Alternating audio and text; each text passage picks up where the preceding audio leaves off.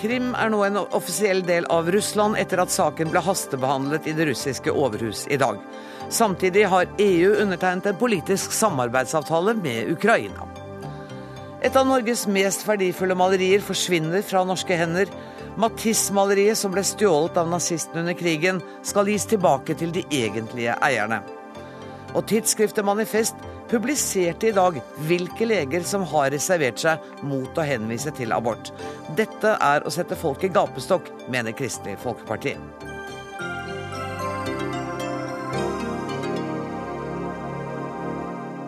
Dette er fredagsutgaven av Dagsnytt 18, der vi i dag også skal møte skuespiller Ingar Helge Gimle, som rett og slett ber om hjelp. Hvorfor får du høre litt senere i sendinga. Men først. Det skal dreie seg om konflikten mellom Russland og Ukraina igjen. Russlands overhus har altså i dag godkjent innlemmingen av Krim som en del av Russland. Samtidig har EU og Ukraina undertegnet den politiske delen av samarbeidsavtalen som ble lagt på is i november i fjor. Hjertelig velkommen, utenriksminister Børge Brende. Hva annet nytt har skjedd i dag? EU har også bestemt eh, seg for å utvide den lista med personer som skal omfattes av de såkalte restriktive tiltakene, hvor man fryser økonomiske midler og gir innreiseforbud. Der har de bestemt seg for at en russisk eh, visestatsminister og andre medarbeidere av Putin også omfattes, og det er tolv stykker. Og Den norske regjering har også da i ettermiddag bestemt at vi følger EU i dette restriktive tiltaket, på toppen av de 21 personene som var med i første eh, runde. Dette for å statuere et klart eksempel på at et stort land kan ikke ta en, lit, en bit av et mye mindre land i strid med folkeretten uten at det får konsekvenser. Når iverksettes eh, disse sanksjonene mot disse 33 personene, som det da totalt blir? Ja, I dag så ble det vedtatt av Kongen i statsråd eh, restriksjoner overfor de 21. Og vi vil snarest også inkludere disse tolv som jeg nå nevnte.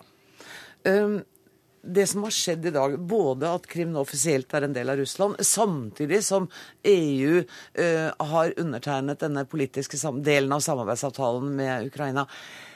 Disse to hendelsene spriker i hver sin retning. Har du fortsatt tro på at det kan oppnås en ikke-militær løsning i konflikten mellom Russland og Ukraina? Ja, Man kan ikke gi opp det håpet. Men det har jo ikke vært en positiv uke i så måte.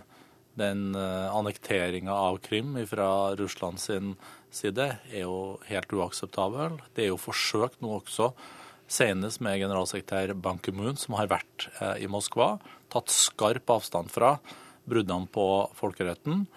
Uh, det har vært et viktig forsøk. Vi vet at Angela Merkel har tatt initiativ for å få til et såkalt kontaktforum. Vi vet at Europarådet og vi vet også at denne organisasjonen for sikkerhet og samarbeid i Europa, OSSE, har forsøkt. Men vi kan ikke gi opp. Men samtidig med at vi forsøker å finne gode politiske løsninger, så må vi holde presset oppe. Og for vi må statuere et eksempel. Ikke minst Norge, eh, som eh, ligger til slik vi ligger til, eh, må vise at det fins vi, vi, har ikke en millimeter å gå på når det gjelder respekt for andre lands suverenitet når det gjelder respekt for andre lands grenser. Her er vi helt avhengig av at Europa og Nato er krystallklare.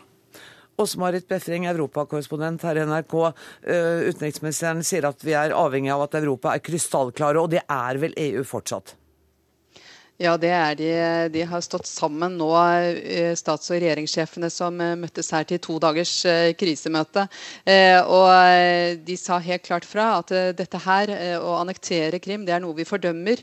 Det blir sett på som en krenkelse av Ukrainas suverenitet og brudd på folkeretten. Og derfor så gikk de jo da videre med disse tolv, som også rammer Putins indre krets. Disse tolv som da får frosset bankkonti og innreiseforbud. Eh, men de har ennå ikke kommet så langt at de vil innføre sanksjoner, økonomiske sanksjoner. Men de har bedt EU-kommisjonen nå om å utrede dette. fordi det de frykter nå, er hva blir Putins neste skritt. Eh, de frykter spesielt at eh, det skal bli provokasjoner, spesielt i Øst-Ukraina. Og, Derfor så var de også veldig opptatt av her at nå er det på tide å få observatører inn. Så Til og med EU-observatører mener de nå at man må få på plass så snart som mulig. Så man skjerper motstanden mot Russland, og så uh, hastebehandler man, eller det gjør man vel ikke, men man sørger for å få undertegnet den politiske delen av den avtalen mellom Ukraina og EU som ble uh, skrinlagt i fjor, i hvert fall lagt på is i fjor. Mm. Ja, de skrev under den politiske avtalen i dag, eh, i dag morges. Og dette er jo en del av denne samarbeidsavtalen som da den avsatte president Janukovitsj sa nei til i november, og som utløste protestene i Kievs gater. Og denne avtalen er jo ment da å knytte tettere og mer forpliktende bånd mellom EU og Ukraina. Men den vanskeligste delen av avtalen den gjenstår. og Det er den som skal sørge, sørge for frihandel. Eh, og Det vil eh, bl.a. Eh, langt på vei bety en mer økonomisk integrering med EU. og Den kan de ikke skrive under før Ukraina da får ryddet opp i denne korrupsjonskulturen og får på plass eh, økonomiske reformer. Men avtalen som de skrev under i dag, den, den forplikter. Vi skal til Washington. Der er du, Gro Holm, USA-korrespondent eh, for oss i NRK. Eh, president Obama utvidet sine økonomiske sanksjoner mot Russland i går. Er det ventet at også han vil komme med flere sanksjoner fremover? Ja, Han varslet jo samtidig i går at det vil eh, bli jobbet med sanksjoner som skal ramme russisk økonomi. Eh, og Dette er jo et eh, ris bak speilet hvis, hvis, det skulle vise seg at Putin blander seg mer inn i det som skjer i Øst-Ukraina. Hvorvidt de, vil, eh, hvorvidt de, vil, gjøre det om det ikke skjer noe mer fra russisk side, det, det tror jeg vel egentlig ikke. Men, men, dette er jo en veldig vanskelig situasjon. og Et av problemene er jo at en ikke er helt overbevist om at Putin ville klare å, eh, å si, dempe gemytten heller i Øst-Ukraina dersom det skulle komme til eh, uroligheter mellom russere og ukrainere. Men, men, ser vi nå for oss eh, at det kan komme til en oppstå en situasjon hvor eh, Russland og USA gir hverandre eh, gjensidige sanksjoner, og man får en sånn slags stillstand i forhandlingene og i diplomatiet? Altså Man kan jo få en spiral. Jeg beklager, det er en hund som bjeffer her. som er det, ble... dør i bakgrunnen. Den får jeg ikke gjort noe med akkurat nå. Men det, er, det, kan jo bli en spiral med sanksjoner. Eh, nå sa Putin i eh, Føderasjonsrådet, som er det russiske senatet i dag, at han ikke følte noe behov for å svare med nye økonomiske sanksjoner utover da å, eh, å forby innreise for ni amerikanske eh, politikere. Eh, men, men det er er vi ikke sikkert vi kan stole på. Så vi kan få en spiral med sanksjoner, særlig dersom det rammer russisk økonomi enda sterkere. Eh, fordi russisk økonomi er jo i høyeste grad avhengig av eh, markeder som ligger i Europa. Det gjelder ikke minst energimarkedet. Ingrid Oppdal, du er forsker ved Institutt for forsvarsstudier. Nå hørte vi utenriksministeren si at eh, FNs generalsekretær Ban Ki-moon har oppfordret til samtaler. Eh, hvor lydhør er, tror du Putin er for den type oppfordringer? Vel, ah, det er klart, han lytter nok til det, men i hvor stor grad han vil ta det inn over seg og, og eh, ta initiativ til kontakt med den ukrainske siden, det, det tror jeg nok. Jeg tror nok vi må uh, vente en stund for å se det. Eh, jeg tror ikke viljen helt er der enda. Uh, han anerkjenner jo ikke den midlertidige regjeringen i Ukraina. Og I dag så kom det også nyheter som jeg, trenger litt sånn hjelp til å forklare til. Fordi eh, Nå sier Russland at Ukraina står i gjeld til dem på ca. 100 milliarder kroner. Og det er fordi at gassavtalen, som innebærer at Ukraina fikk billig gass, mot at eh, Svartehavsflåten kunne ligge på Krim, den avtalen gjelder ikke lenger. Hvorfor, hvorfor er det helt umulig at den kan fortsatt gjelde? Vel, det, er, jo situasjonen uh, Det er Russland som har endret situasjonen her.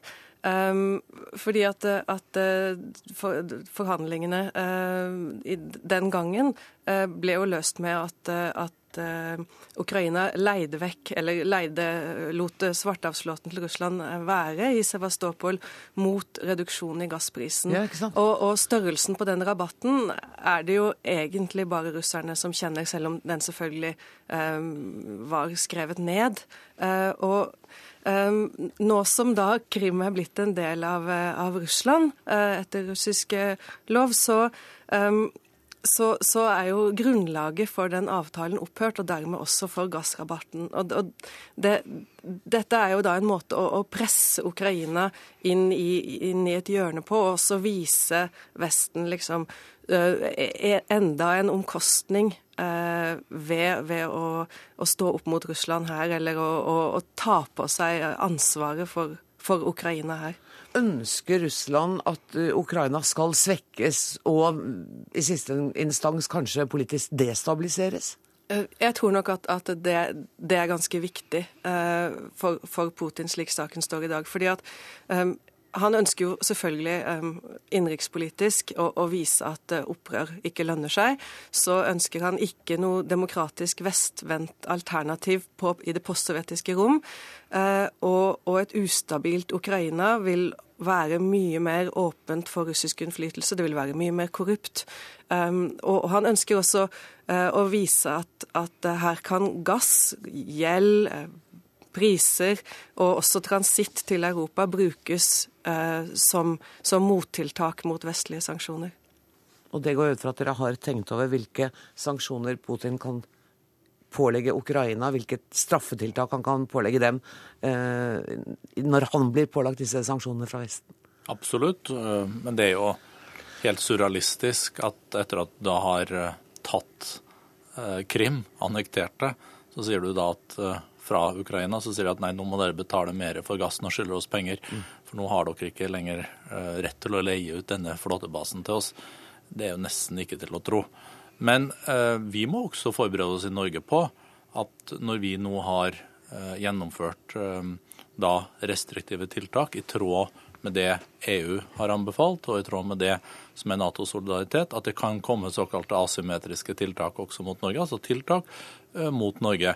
Men, som kan ramme norsk fiskeri, f.eks.? Selvsagt. Det kan man ikke se bort ifra. Det tror jeg vi må være helt åpne på også. Og da må vi bare se på hva ville alternativet vært.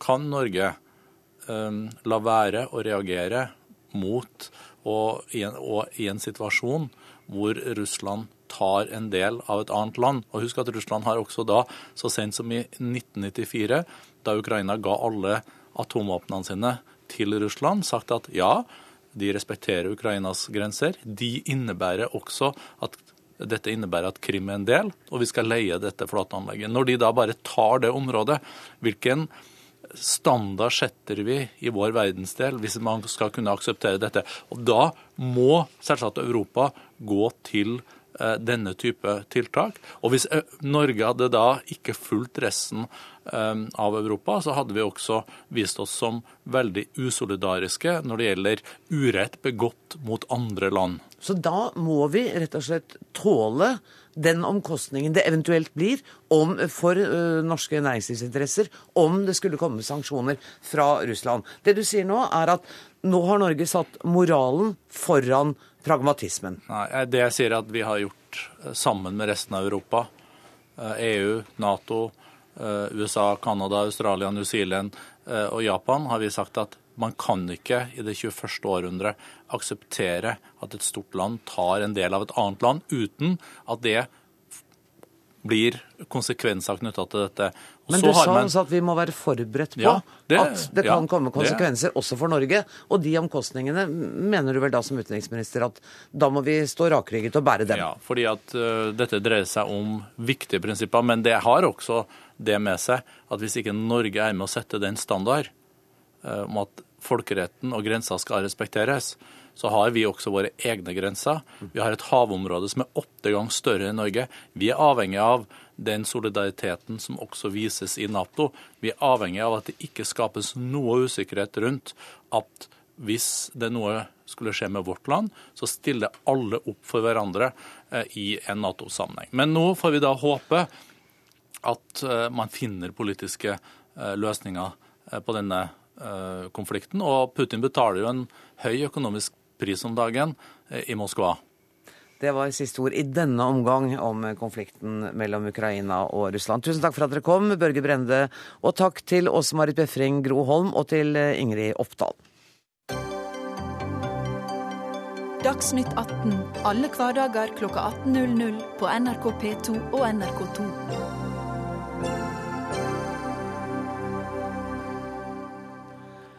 I dag ble det kjent at Henny Onsdag Kunstsenter gir rette for kravet fra arvingene av, av en fransk-jødisk kunstsamler, og leverer tilbake et maleri av Henri Matisse som ble stjålet av nazistene under krigen.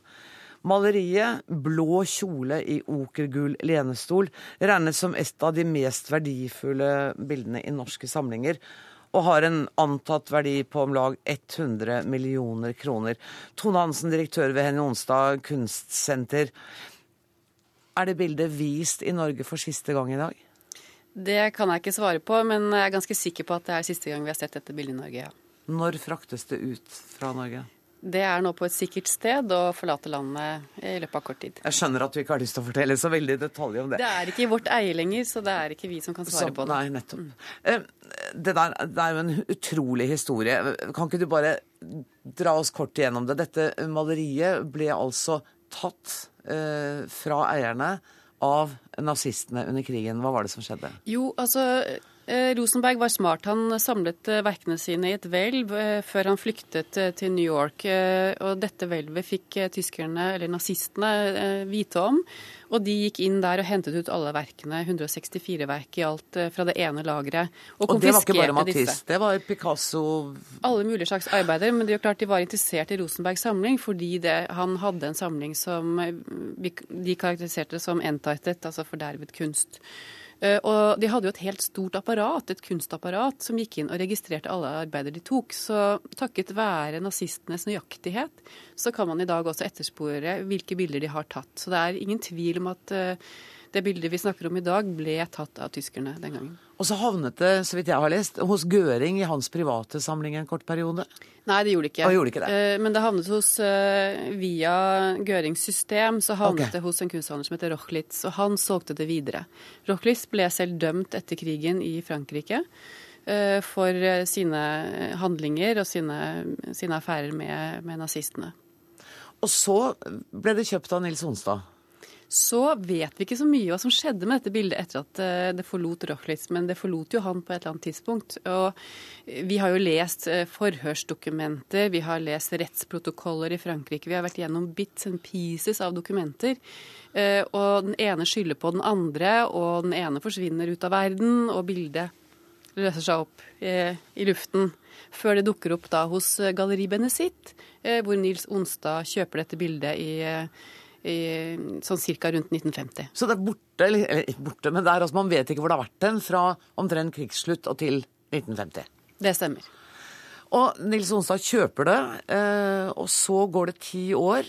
Og så bestemmer han seg for å finne ut hva historien til maleriet er. Ja, Nils Onstad samler jo på en rekke kunstnere i denne tiden her, og frakter alle maleriene til eh, USA, til New York. Han har sitt hovedkontor på Manhattan. Og, og, lever med disse bildene der i ti år. Eh, så treffer han jo Sonja Hennie, de gifter seg, og de bestemmer seg for å etablere en stiftelse. Og da donerer de begge to alle sine arbeider til denne stiftelsen. Dette skjer i 1961, eh, og da begynner de også å undersøke malerienes historikk. Fra da av så vet vi at eh, bildet har reist verden rundt med proveniens Pål Rosenberg. Så vi har jo vært ganske trygge på proveniensen på vår samling. Eh, og har sendt bildet verden rundt med denne historien, at det har tilhørt Pål Rosenberg. Det vi ikke visste, var jo at det var stjålet. Nettopp. Dere fikk en henvendelse er det for snart to år siden. Det stemmer. Eh, men dere kunne jo ha valgt å gå rettens vei og sagt at vi har handlet i god jeg, kan, jeg er ikke jurist, men jeg tenker at det hadde vært en mulighet for å ta opp en konflikt, og i hvert fall forlenget prosedyren her. Dere valgte det motsatte. Dere valgte å undersøke, og så gi etter for kravet. Ja, altså eh, Norge har jo undertegnet Washington-traktaten som pålegger eh, kunstinstitusjoner som er i statlig eie eller er støtta av staten, å gjøre de undersøkelsene som skal til, og tilbakelevere arbeider som man ikke kan bevise godt nok eierhysterikken eierhistorikken til. Eh, det er eh, selvfølgelig ikke juridisk bindende. Og ja, vi kunne gått rettens vei og bevist at Nils Onstad og Henny Onstad Kunstsenter handlet i aktsom god tro. Men vi mener at eh, det ville være spill av både økonomi og, og tid. All den tid at vi vil følge de traktater som Norge har skrevet under. Er det allikevel tungt å måtte si adjø til det bildet? Det er ingen tvil om at dette er en veldig spesiell dag, både for kunstsenteret og selvfølgelig for meg som direktør. Å se dette bildet forlate eh, institusjonen. Det er et sentralt verk, det er et vakkert maleri. Nydelig og lett i fargene. Eh, og mange mennesker har gledet seg over dette hos oss. Så, så det er en tung dag. Frykter du at det kan være mer, flere malerier som er en del av den faste samlingen deres, som kan, dere må komme til å levere tilbake? Altså, det er ingen tvil om at uh, dette har vært en vekker for institusjonen. Og dette er jo også den første saken i Norge, så noe av det arbeidet, de etterforskningene vi har gjort, er jo pionerarbeid. Uh, som andre institusjoner i Norge kommer til å ha stor glede av dersom de skulle komme i samme situasjon. Og vi bruker jo nå det nettverket og den kunnskapen vi har for å undersøke de 18 andre bildene. Agnes Moxnes, kulturkommentator i NRK. Hvor stort tap er det at ett maleri forsvinner ut fra Norge? Det er et uh, stort uh, tap, for det regnes vel som et av de liksom, beste utenlandske bildene vi har i, i, Norge. Og det gjør et norsk museum mer internasjonalt. Eh, det hever altså, prestisjen til museet internasjonalt, men også nasjonalt. Samtidig så kan du jo si det at, at Henny Jonstad kunstsenter har fått veldig mye oppmerksomhet nå, eh, både i Norge, men eh, også internasjonalt eh, de siste to årene, nettopp pga. denne historien, som jo er én enkelt historie, men som på mange vis, eh, mange vis illustrerer veldig mange eh, historier som går iallfall i eh, Europa rundt da, med stjålen tysk kunst, eller kunst som ble stjålet av nazistene under krigen. Ja, for det har vært mange historier, og jeg så også nå at i Nederland så driver man fortsatt jeg tror det var et 40-talls malerier som man holder på med å undersøke for å ha som mål å kunne levere tilbake til eierne. Agnes, var det riktig av Henny Jonstad-senteret lettere å ikke gå rettens vei her? Altså Hvis de hadde gått til retten og, og prosedert på hevd, så hadde de vel antageligvis vunnet i en norsk eh, rettssal. Jeg vil jo tro det. Eh, men det er klart at her er jussen altså Hvis du setter jussen der, så ligger det altså så mye under de juridiske spørsmålene her at det er sånn sett helt sikkert klokt av Henny Onsdag Kunstsenter å, å velge å returnere dette bildet.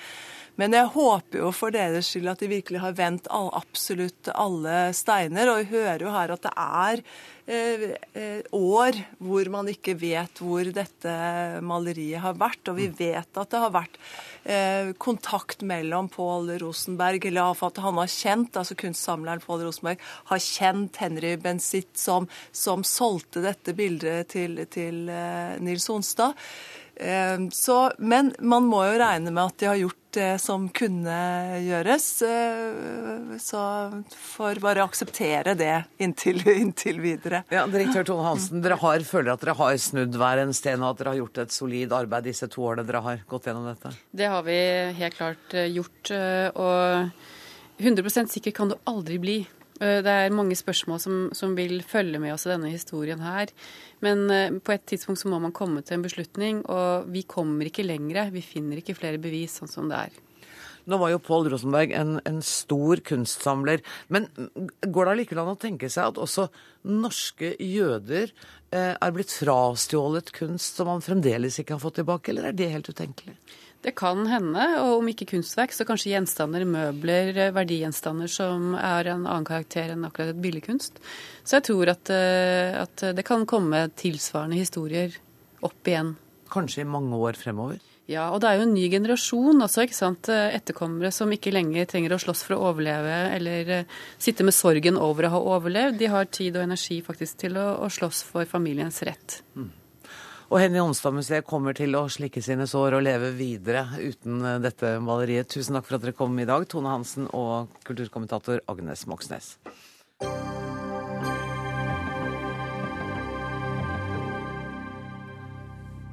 Det skal dreie seg om eh, Tyrkia, der eh, statsminister Eidovan har fått rettskjennelse på å stenge nettsamfunnet Twitter for innbyggerne i landet. Men folk kommer seg inn på Twitter likevel. Eh, mer om det skal vi høre om et lite øyeblikk, men først forsker ved Institutt for kulturstudier ved Universitetet i Oslo, Einar Wiggen. Hvilken begrunnelse er brukt for å stenge Twitter? Den begrunnelsen som er brukt, er at det er brudd på privatlivets fred. Sånn at det er det, det er det, de har stengt for. i, i Bakgrunnen er at de, han hadde et valgmøte i går kveld i Bursa, der han lovte å stenge Twitter. I løpet av et par timer så klarte han da i fire forskjellige domstoler å få rettskjennelse på at det skulle stenges, og klokken ett i natt så var det stengt. Men så har altså folk allikevel klart å, å, gjenopprette dette. Men du, eh, Han hadde et valgmøte i går, men det er altså et lokalvalg i Istanbul vi snakker om? Han er ikke engang kandidat? Det er jo et kommunevalg i hele Tyrkia, ja. og, men det regnes først og fremst som en popularitetsmåling på hans popularitet. Ah, ja. Sånn at det er ganske mye på Det er ikke veldig mye på spill, men, men han tar det som et stort prestisjenederlag dersom han taper. Men du, I utgangspunktet, og jeg mener ikke å være flåsete, så høres det ikke ut som en genistrek å skulle stenge Twitter?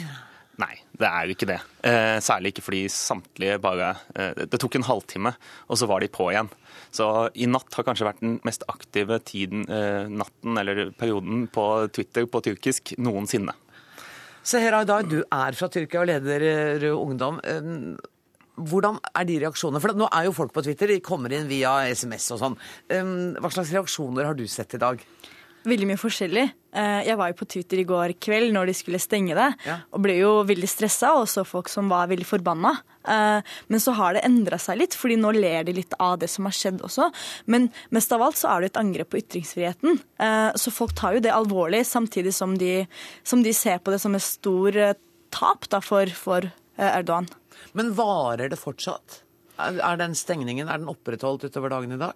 Ja, den er, det er permanent. Og det er en permanent, ja? ja da. Jeg så presidenten var ute og kritiserte det og sa at dette må være et midlertidig. Ja, på Twitter. På Twitter. Etter at det var stengt. Ja, ja, så han brøt loven da ved å stenge det. Så. Ja, nettopp. Det var på Twitter. Uh, Visepresident i Penn International, uh, Eugene Skjolgin. Uh, jeg skal bare få gjestene mine til å ta på oss hodetelefonene, for du er med oss på telefon. Og du er i Istanbul. Hvordan reagerer de du har vært i kontakt med i dag, på at Twitter er stengt?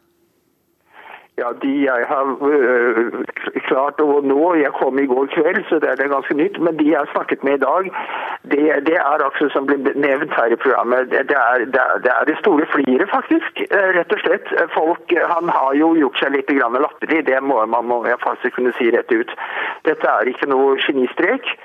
Og det viser jo at, at han er relativt desperat. Vi kan må ikke glemme at det har vært en lang rekke skandaler koblet til hans navn og til hans ministres navn og deres sønner siden uh, desember. Og det har bare balet på seg, så å si. Det er en maktkamp under, bak kulissene som pågår mellom AK-partiet og Erdogan personlig. Og Gülen-bevegelsen, Gülen-bevegelsen som jo har fått mer og mer makt i Tyrkia. Og De var tidligere i kompaniskap, så å si. De, og det, det kompaniskapet det ble det slutt med for i fjor høst. Og etter det så har det så har dette blitt mer og mer belastende for, for Erdogan. Men Shogit, selv om uh, tyrkerne at dette appellerer til deres mest burleske humor, så er jo dette faktisk et anslag mot ytringsfriheten? Ja, uten tvil er det det. Og det er, det er jo det, er det som er det alvorlige i det hele. Og dette er jo bare ytterligere et skritt blant mange på innskrenkningene i ytringsfriheten som har funnet sted de siste par årene, og eskalert siste år. Vi husker jo alle hva som skjedde i fjor, fjor vår og høst med det såkalte Jesi Park-opprøret. Og disse, disse, disse, demonstrasjonene er faktisk fortsatt mer eller mindre kontinuerlig siden da. De har kanskje ikke fått så mye oppmerksomhet, men nå de siste så har det blusset opp igjen. Ser jeg der. Ja, nei, vi må, Når vi snakker om at folk ler litt av det, så må vi også tenke hva slags virkelighet de er vant til. Vi snakker om uh, det landet som fengsler flest journalister. Ytringsfriheten er jo allerede veldig begrensa der. Så, så, at det her skjer, er jo ikke en stor overraskelse. ikke sant? Så når de kommer seg inn igjen, så kan de le av det, og så kan de gå videre. Og så skjer det en ny ting, og så kan de gå videre. Så, så det er et sånt land vi snakker om. Og angrep på demokratiet er jo like alvorlig uansett, selv om man kan ha litt humor i det det er jo langt verre ting som skjer uh, i Tyrkia om dagen. Og, La oss snakke litt om korrupsjonsskandalen også. Ja. Uh, jeg tenkte først ja, uh, Nei, gjør som du vil. Ja, uh, jeg tenkte først å nevne det at I forrige uke så begynte da den tyrkiske utdanningsministeriet å, å, sende inspektører til skoler der de avhørte barneskoleelever om sine foreldres politiske sympatier og livsstil. Dette er langt, langt verre enn å stenge Twitter, som tar en halvtime, og så kommer alle sammen på. Eh, men samtidig så er det jo dette her forhistorien med eh, korrupsjonsanklager. Erdogan har inngått kompaniskap med denne Gulen, som sitter i Pennsylvania. Og han brukte Gulen-bevegelsen, som er den mest høyest utdannede delen av den islamistiske bevegelsen, til å infiltrere påtalemyndighet og politi. Disse brukte sin posisjon til å ta ut militæret fra den interne maktkampen i Tyrkia. Og de har fått satt alle, eller ikke alle generalene, men de har klart å, å, å kastrere det tyrkiske militæret ved å få dem inn i fengsel. Dermed er den, den, gamle konflikten mellom de sekulære og de islamistene i Tyrkia den er på sett og vis begravet. Ikke helt, men nå er det sånn at i forlengelse av Gezi-protestene, fordi denne Gulen-bevegelsen har store internasjonale uh, forgreninger, så anser de det som problematisk, den fremferden han hadde. Og dermed de, uh, ble de uvenner i sommer, og uh, Erdogan begynte å gå etter hans penger.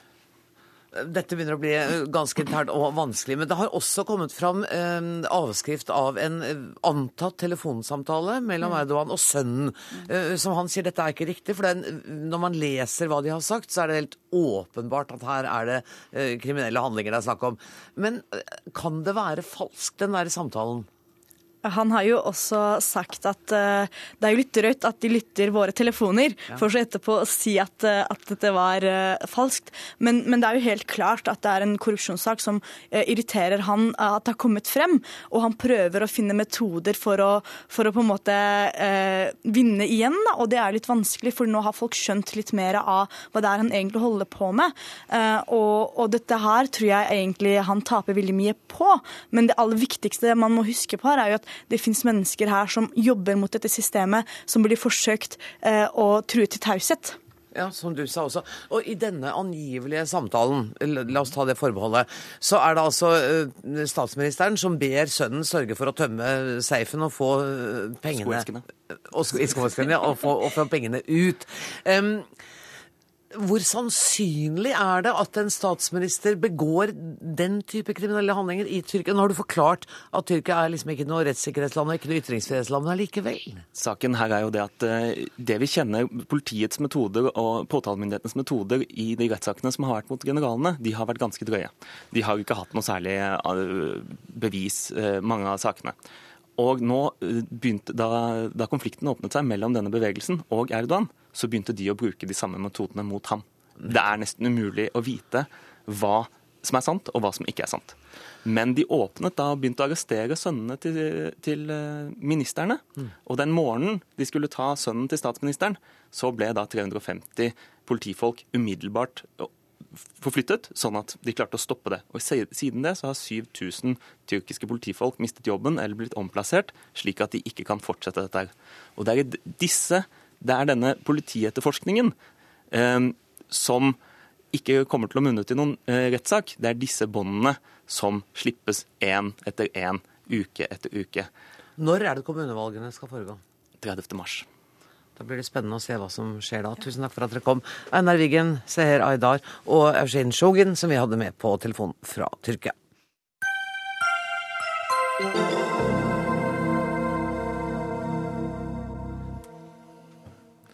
Så skal det dreie seg om litt mer hjemlige politiske diskusjoner. Stortinget stemte nei til Arbeiderpartiets forslag om å trekke Statens pensjonsfond utland ut av kullinvesteringer.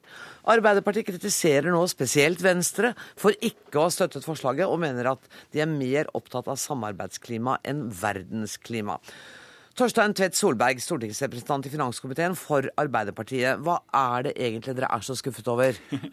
Nei, I går kunne det jo blitt både julaften og nyttårsaften på en gang i Stortinget. En kunne både fått et enstemmig flertall i Stortinget for denne ekspertgruppa, som, som alle er for. Og i tillegg så kunne vi fått til å liksom starte den konkrete handlingen med å få eh, oljefondet ut av kullselskaper. Men, Men det fikk vi ikke til. Du skulle vært en bra optimistisk og litt naiv arbeiderpartipolitiker for ikke å skjønne hvor den avstemninga kom til å gå hen. Jo, altså vi, vi, så hvor det kom til å gå, men jeg er jo sånn sett litt skuffa for Venstre og KrF har jo gitt veldig tydelig uttrykk gjennom hele diskusjonen om at de, de støtter dette forslaget. Og de har støtta oss i saken, og da er det jo veldig synd at de òg ikke er med å stemme for noe de egentlig er for. Men hvor stor betydning får dette vedtaket egentlig? Nå er jo saken utsatt et år, på en måte, så vi taper jo et, eh, et år eh, på, på, dette. Og det er synd, spesielt for, eh, for, for klima. Men så er jo Venstre i gang med et risikospill, for de er jo mer opptatt av samarbeidet med Høyre og Fremskrittspartiet her, som er imot dette i det hele tatt. Så vi håper jo i hvert fall de har lyst til å være med i en dialog på oss med å finne fram til noen gode forslag som vi får gjort nå. Rebekka Borch, du er medlem av Venstre sentralstyre.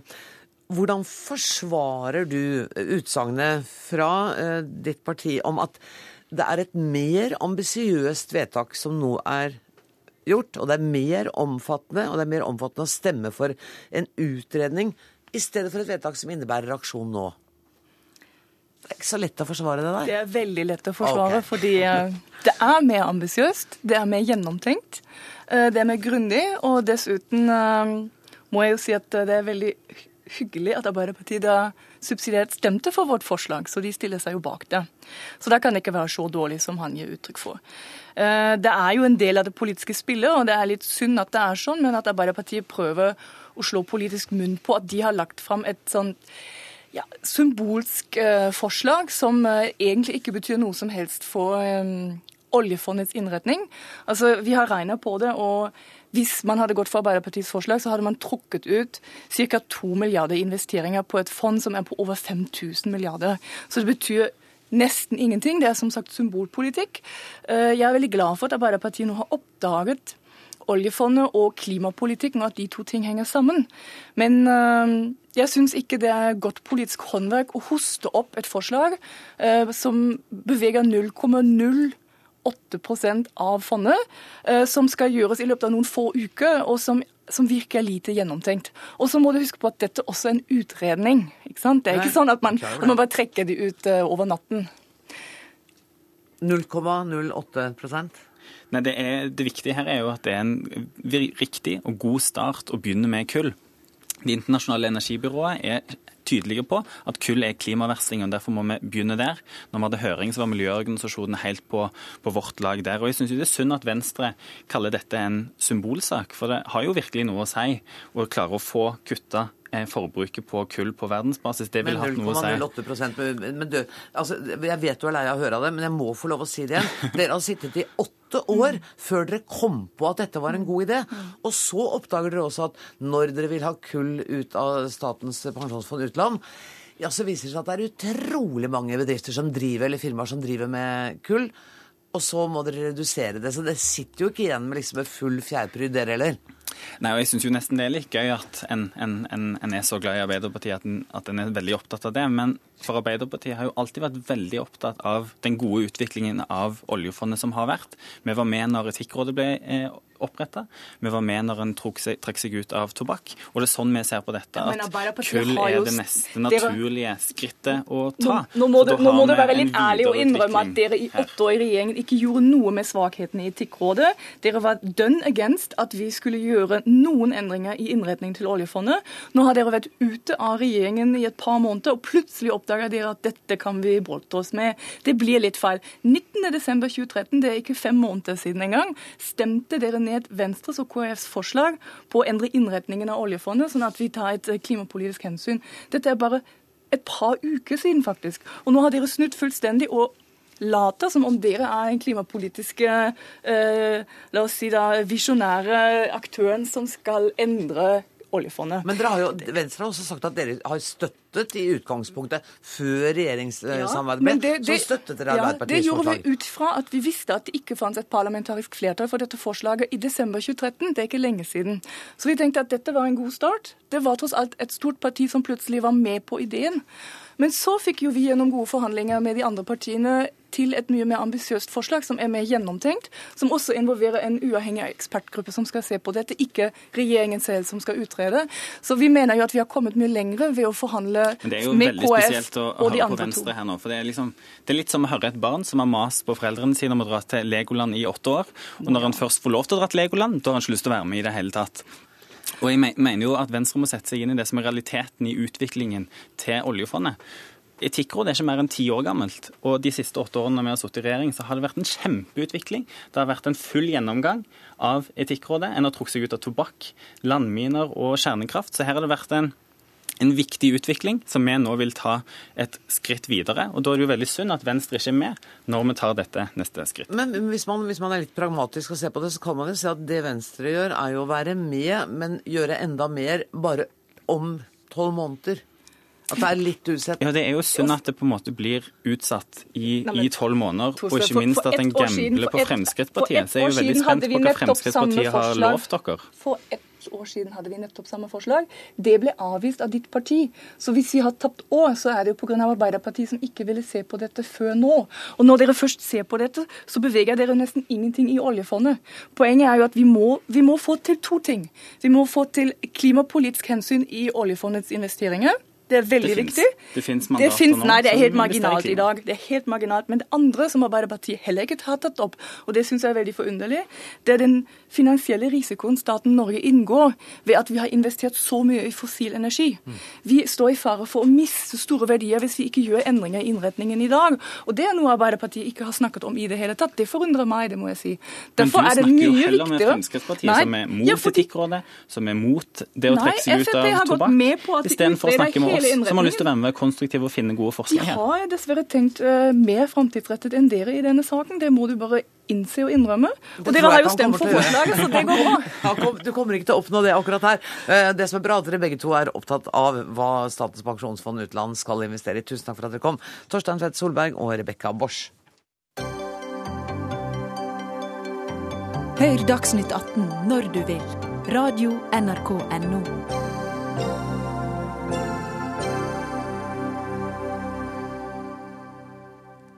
Tidsskriftet Manifest publiserte i dag det de kaller citat, 'en liste over leger som ikke vil hjelpe deg'. Citat, slutt.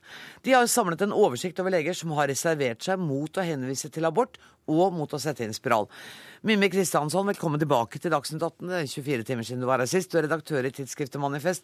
Hvorfor har dere valgt å publisere en samlet liste? Fordi at uh når man innfører en reservasjonsrett, som alt tyder på at regjeringen gjør, stikk i strid med folkemeningen, stikk i strid med egne velgere, stikk i strid med kvinner mener, så er den beste måten å reagere på det mot å gi folk muligheten til å reservere seg mot de legene som reserverer seg. Sånn at vi gjør i utgangspunktet bare det regjeringen er i ferd med å gjøre, nemlig å lage en offentlig liste over de legene som ikke ønsker å gjøre den typen ting. Og vi sier da er det åpent for oss som er pasienter hos de legene, og sier nei takk til det. Men, men, dere har jo ikke gjort noe annet enn å sette sammen navnene, for alle disse navnene eksisterer allerede ute på nettet med reservasjonen. Det er åpenbart det, men det vi ønsker å gjøre, er bare å spre oppmerksomheten, for eksempel, for å si det sånn.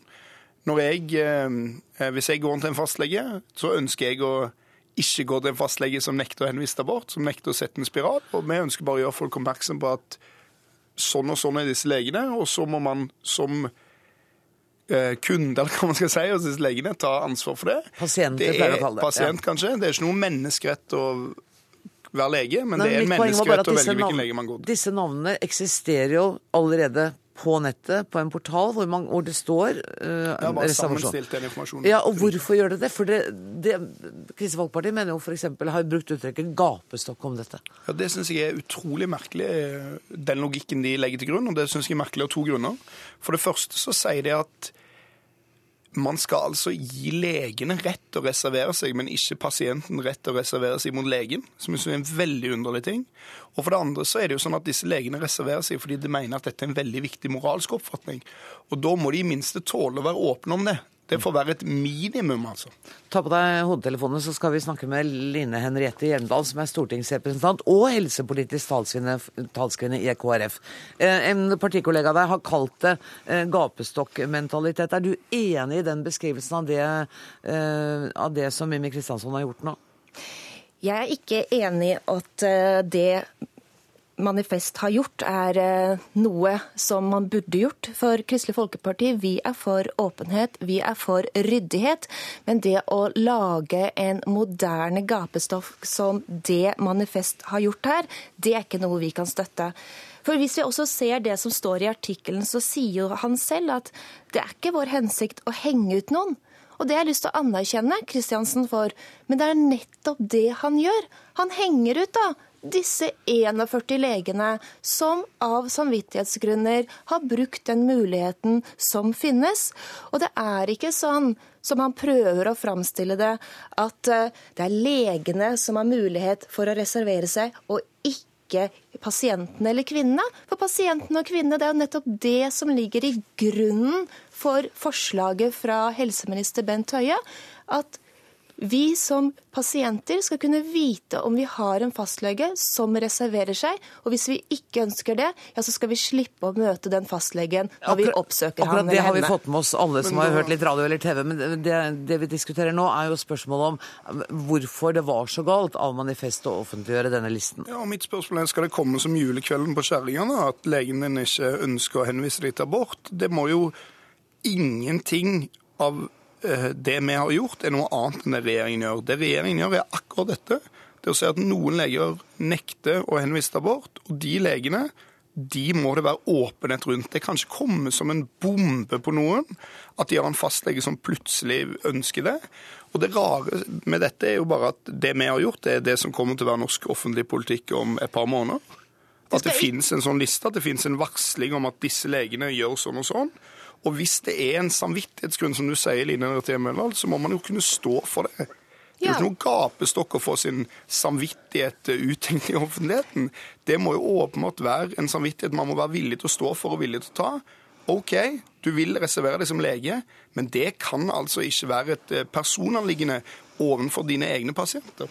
Dette skal være en åpen informasjon, og derfor dette skal være en ny kolonne når du går inn og skal bytte fastleger. Når du går inn og bytter fastleger, så får du vite navn, du får vite kjønn, du får vite hvor tilgjengelig den, han eller hun som fastlege er for funksjonshemmede. Du får vite hvor mange pasienter han eller hun har på listen sin. Så kommer det kanskje da en ny kolonne der det står at han eller hun har reservert seg for å sette inn spiral eller henvise. Det er ikke noe mer hokus pokus enn det, men vi må huske at nå er denne saken på offentlig høring. Det jobbes rundt i hver eneste kommune. Det jobbes rundt for mange mennesker. Det er demokrati å få lov til å si fra. Men disse 41 Line- damene som de, og kvinnene og legene som dere i dag har sammenstilt, og på en måte setter Vet du hva? Eh, dette er listen over leger som ikke vil hjelpe deg. Det har dere laget i dag, og det kaller jeg moderne gapestokk. Og da er mitt svar er det demokrati Line Henriette Hjelmedal, at en lov eller en regel som helt klart flertallet i Norge er imot, som flertallet av regjeringens velgere er imot, som flertallet av kvinner er imot, den blir nå innført med hensyn til noen veldig få leger. Og i tillegg, da, må bare huske det da, at vi er uenige om den reservasjonsretten, men i tillegg vil du altså på en eller annen måte nekte den offentlige informasjonen det er å vite om din fastlege har reservert seg mot å hjelpe deg i visse typer inngrep. Nei, jeg vil ikke si at man skal ikke si eh, at eh, legen har reservert seg. Men jeg vil ha en åpenhet, jeg vil ha en ryddighet. Jeg vil gjøre dette steg Dette for må steg. jo være Og det er Dette må også sånn at det er altså et flertall bak de partiene som har inngått denne samarbeidsavtalen. Fremskrittspartiet, Høyre og Kristelig Folkeparti har inngått en samarbeidsavtale. Sammen med Venstre så er det et flertall i folket for de fire partiene, og vi tre partiene vi står med velgerne i ryggen på denne saken. Det er også demokrati. Det må også Kristiansen huske på. Jeg skal bare minne om at jeg er her, ja. Eh, Kristiansand, eh, det er 41 leger dere nå har på listen. Kommer dere til å følge opp for å se om det kommer flere leger på den listen? For det har jo vært enkelte som har sagt at denne lovavgangen kan få det til å eksplodere med leger som vil reservere seg. Og Vi har fått mange tips allerede i dag om leger som ikke står på den listen, både på e-post og på andre måter. Så det er klart at det er mulig at den listen utvides. Men altså, vi er jo et eh, lite nettidsskrift, så det er klart at for oss å ringe rundt alle Norges fastleger er vanskelig. Men regjeringen kommer jo til å gjøre dette uansett. Det er jo det Line Henriette Hjelmendal også sier. At eh, man kommer jo til å opplyse om dette. Så jeg forstår ikke hvorfor Ja, nå aksepterer man kanskje at man kan reservere seg mot å henvise mot abort. Selv om folkeflertallet er mot det, så aksepterer vi da folkeflertallet at det skjer. Men så skal det være en slags hemmelighet hvilke leger som gjør det. Jeg syns det er ekstremt vanskelig å forstå at man vil, man vil altså forsvare legens samvittighetsgrunn mot å henvise det bort, men aldri pasientens samvittighetsgrunn mot å gå til en lege som gjør det. Jo, jeg står opp for enhver kvinnes rett til å få en lege eh, som henviser henne til abort, hvis det er hennes ønske. Hun skal bli møtt med respekt og empati.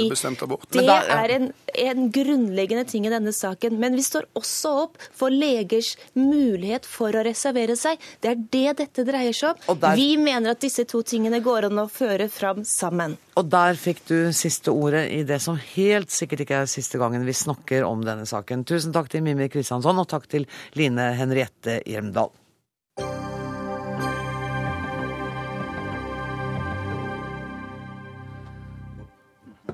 Hei, jeg trenger litt hjelp her, jeg. Hjertelig velkommen, Ingar Helge Gimle. Takk. Eh, første setningen min var altså tittelen på din eh, stand ditt standup-show, som er jeg skal bare pirre nervene dine litt. Det er mindre enn en uke til. Fem, ja, fem dager. Ja, seks dager eller noe sånt. Ja. Neste, førstkommende torsdag. Ja. Førstkommende torsdag. I dag er det fredag. Mm. Uh, I sju år ja, fortalte du meg, har du gått svanger med ideen om å gjøre dette? Ja, altså det var jo noen andre som satte meg på det. vet du, at liksom, oh, jeg, jeg, Ingar, du, når jeg kommer hjem fra byen eller noen dagen etterpå jobben, så forteller jeg så mye rart om det jeg har opplevd. Så mange som har lagt merke til at jeg, men herregud, du opplever så mye. Og så fortell dette her en gang. Alt det rare du har vært med på. Da husker jeg sa nei, men så ble det nesten det nei ble et ja. Det er ikke så fint. Det er det det stykket handler om. At jeg liksom klarer ikke å si ja, det kan jeg godt gjøre. Så har jeg holdt meg stikke unna nå i mange år, da, men nå har de tatt tak i meg og sagt nå må du gjøre noe med det. Så tenkte jeg ja, jeg får bli voksen og gjøre det. Du, før vi, før vi, snakker enda mer om det stykket, så må vi jo For det er jo ikke sånn at du har ligget helt på latsida de siste sju åra og bare tenkt på dette. Neida. Altså, jeg begynte å lese gjennom CV-en din og hva du har gjort av teater, av film, av TV. Hvilke priser du har fått. Det er Vent, nå må du hjelpe meg. Det er Hedda-priser, det er Amanda-priser. Og Komiprisen. Um, har du liksom bestemt deg nå for at nå er det scenen som er ditt heretter, og ikke film og teater? Nei, det er det ikke. Eller film og, film og TV, venter Nei, altså, det er, det, altså det, jeg tror at det, I hvert fall for min del så er det liksom det tøffeste og utfordringen. Det er liksom å kunne stå der som meg selv. Det har alltid vært så imponert over de menneskene som liksom har en sånn enmannsforestilling sånn, hvor de snakker om sitt eget liv. Eller. Så Det har liksom vært min bøyg. Altså, jeg har alltid drømt om å gjøre det en gang, men jeg har vært veldig redd for det. Når vi spiller en rolle, det handler litt et stykke om da, kan jeg gjemme meg bak litt sånn rustninger og sånn og stå og si hei, kom ikke inn her. Da er jeg liksom ikke Ingar, men nå er liksom nå skal du stå der som deg selv, fortelle om ditt eget liv. Det har liksom vært en sånn manndomsprøve. da. Så jeg har utsatt den i alle år, men nå kommer den. Nå sånn. kommer den? Ja, Nå kan jeg ikke unnslippe lenger. Og det... Ok, La oss snakke litt om det. For du, ja. du, du, er jo litt nådeløs med deg sjøl i å utlevere deg sjøl òg, da. Ja. I denne forestillingen. Ja, det kan man trygt si. Men det er jo sånn selvironi og det å utlevere seg selv kanskje på en litt sånn uh, rar måte, slik at man får sympati eller forståelse, det er jo en del av i hvert fall en del, stor del av meg. da. Jeg forteller gjerne historier som et sånn lite skråblikk på meg selv, at jeg ikke får til noen ting. liksom. Det er liksom det, da. Alle de nederlagene man går løs på, eller går på. Du kan være like stusslig som oss andre, liksom, ja, ja, i perioder? Mye, mye stussligere, tror jeg. Skikkelig stusslig, altså. Virkelig stusslig. Uh, blant annet så har du et sterkt forhold til TV-shop. Ja, det spør jeg om, for det har i grunnen jeg òg. Du har det? Ja. ja det, var en periode hvor jeg liksom var veldig mye ute og svingte begeret på puber og sånn, og da kom jeg litt i litt sånn der eh, periode hvor man ikke var helt ovenpå. Så da kom jeg alltid hjem sånn til en sånn tom leilighet sånn halv fem om morgenen. Og da var, fant jeg en ny venn i TV-shop. da. Så jeg bestilte jo alt som var, men jeg huska jo aldri hva jeg hadde bestilt. Så jeg fikk sånne veldig rare overraskelser når disse hentelappene kom da, ned på Sankthanshaugen postkontor. Ja, verdensland, og ikke har jeg bestilt. Så da kom det veldig mye rart inn. da, Så det bruker jeg i forestillingen. da. Så de er rundt meg på en måte. da. Jeg kan, jeg kan antyde at det er lurere å være edru når man driver med det der. Ja, men du har Jeg kan det trygt si. Så du har alle disse tingene? Nicer Dicer pluss er en hakkemaskin, f.eks. Ja, den, den, har har virkelig, den har jeg virkelig, og jeg har jo masse annet rart òg. Masse treningsapparater og sånn hudpreparater. Bare en periode, for jeg har litt sånn arrete hud. Nå skal jeg plutselig få sånn skinnende hud. da svære treningsapparat som tok eh, halve leiligheten. Og alt dette kom inn da, fra TV-Shop. Jeg huska aldri at det Men jeg var Den der jeg ha! Kan du sette opp det? Alt det var litt sånn, da. Og så er det selvhjelpsbøker, da, selvfølgelig. Det har jeg kjøpt et eh, par-tre hundre av. Det var en periode jeg måtte få selvhjelp. De også bruker jeg en del i forestillingen. da. Er det ulike typer selvhjelpsbøker, eller? Ja, Det er jo forskjellige navn på dem. Det står ja. veldig mye likt i det. funnet ut da. Hjalp det? Eh, nei, det er rart det der med selvhjelpsbøker. Det, står så, det er så utrolig, for det er sånne sayings. liksom, Hvor lykkelig går an å bli, står liksom på boka. Det er den vil jeg ha, den er 'Changing for good'. ja, altså Det er disse titlene som ja. smeller inn i hjerterota. 'Dette skal jeg klare'. Man husker nesten aldri noe av dem dagen etter. da. Så Derfor må man gå og kjøpe nye. Nei, gå på noen smeller ennå fremdeles. Men du, jeg tenker altså, Handelsreisenes død. Du har spilt i disse store uh, TV-seriene. Du har vært i Cæsar, du har spilt i uh, Nav, du har spilt i Hva het den andre serien? Etaten. Etaten. Ja. Og så liksom stå helt Ikke naken bokstavelig, men mm. helt aleine på en scene. Hva gruer du deg mest til? Jeg, det er hjertepumpa jeg gruer meg mest. Altså, den slår ofte så fort på meg da, når jeg skal inn på scenen at den bare ikke, at den ikke går. Altså, for Jeg leste et sted at disse skihopperne ligger oppe sånn 200 puls når de skal liksom ned en skibakke. Men jeg ligger der sånn stort sett døgnet rundt, og det er slitsomt for kroppen. Så hvis den går opp til 240 da før, så håper jeg det holder, da. Jeg blir veldig nervøs av meg, da, for jeg er redd for å bli for nervøs. Kan du eh, tenke deg følelsen hvis, det, hvis du ikke liksom vinner publikum i første sekund, hva gjør du da? Da satser jeg på å vinne dem i andre og tredje sekundet, da. Ja. Er det litt deilig å ha den der erfaringen, bredden, kompetansen? Du veit hva du gjør når du går ut der? Nei, jeg veit ikke hva jeg gjør når jeg går ut der i det hele tatt. Ikke på sånn, altså, for, fordi jeg har ikke gjort det før, for å si det sånn. Vet du, Vi har snakka med Petter Ness, som er regissøren din. Ja, ja.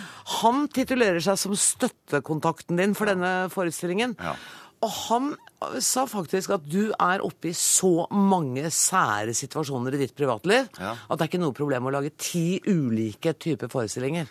Nei, det er jo har et stort lager å hente av, ja. Det må jeg innrømme. Masse sånne historier. ja. Som jeg liksom bare fortalt på en måte fritt når jeg kommer hjem fra byen, eller hvis jeg er på jobben, eller noe sånt, så har jeg liksom fortalt Nei, i går så var jeg der, og så kommer en historie. Altså, de har jeg veldig mange av, ja. Opplevd mye rart. Og så er det teaterhistorier, og så er det litt om å være skuespiller og bli gjenkjent, og alle de nederlagene jeg hadde i altså i Hotell Cæsar, når jeg liksom ble utskjelt et halvt års tid på gata. og Sånn. Det er mye morsomme historier jeg har vært med på der òg, da.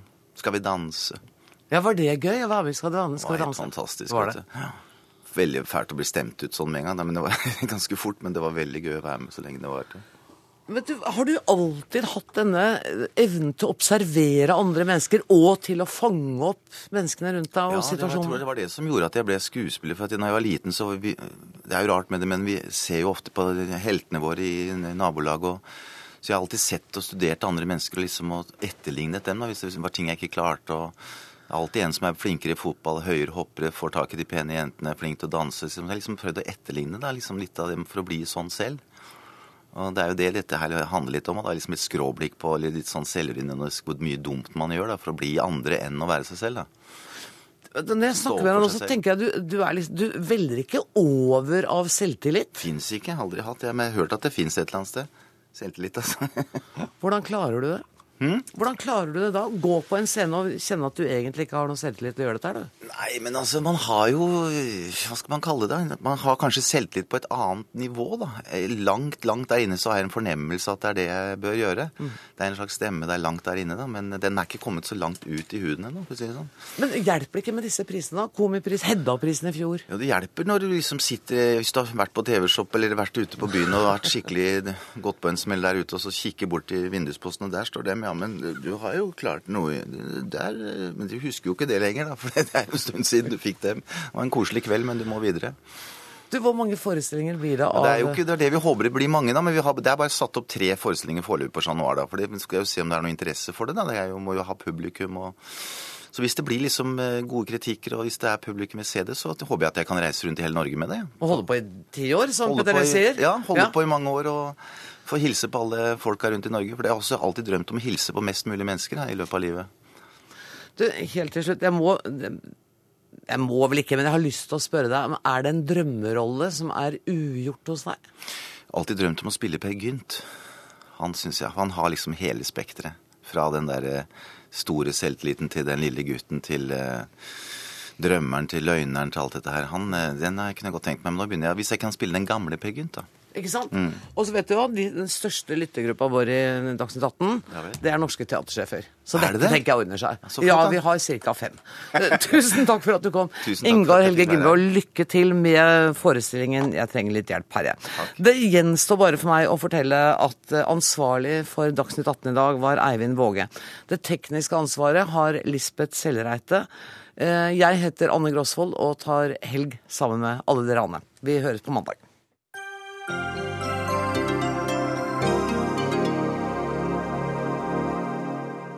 Hør flere podkaster på nrk.no podkast.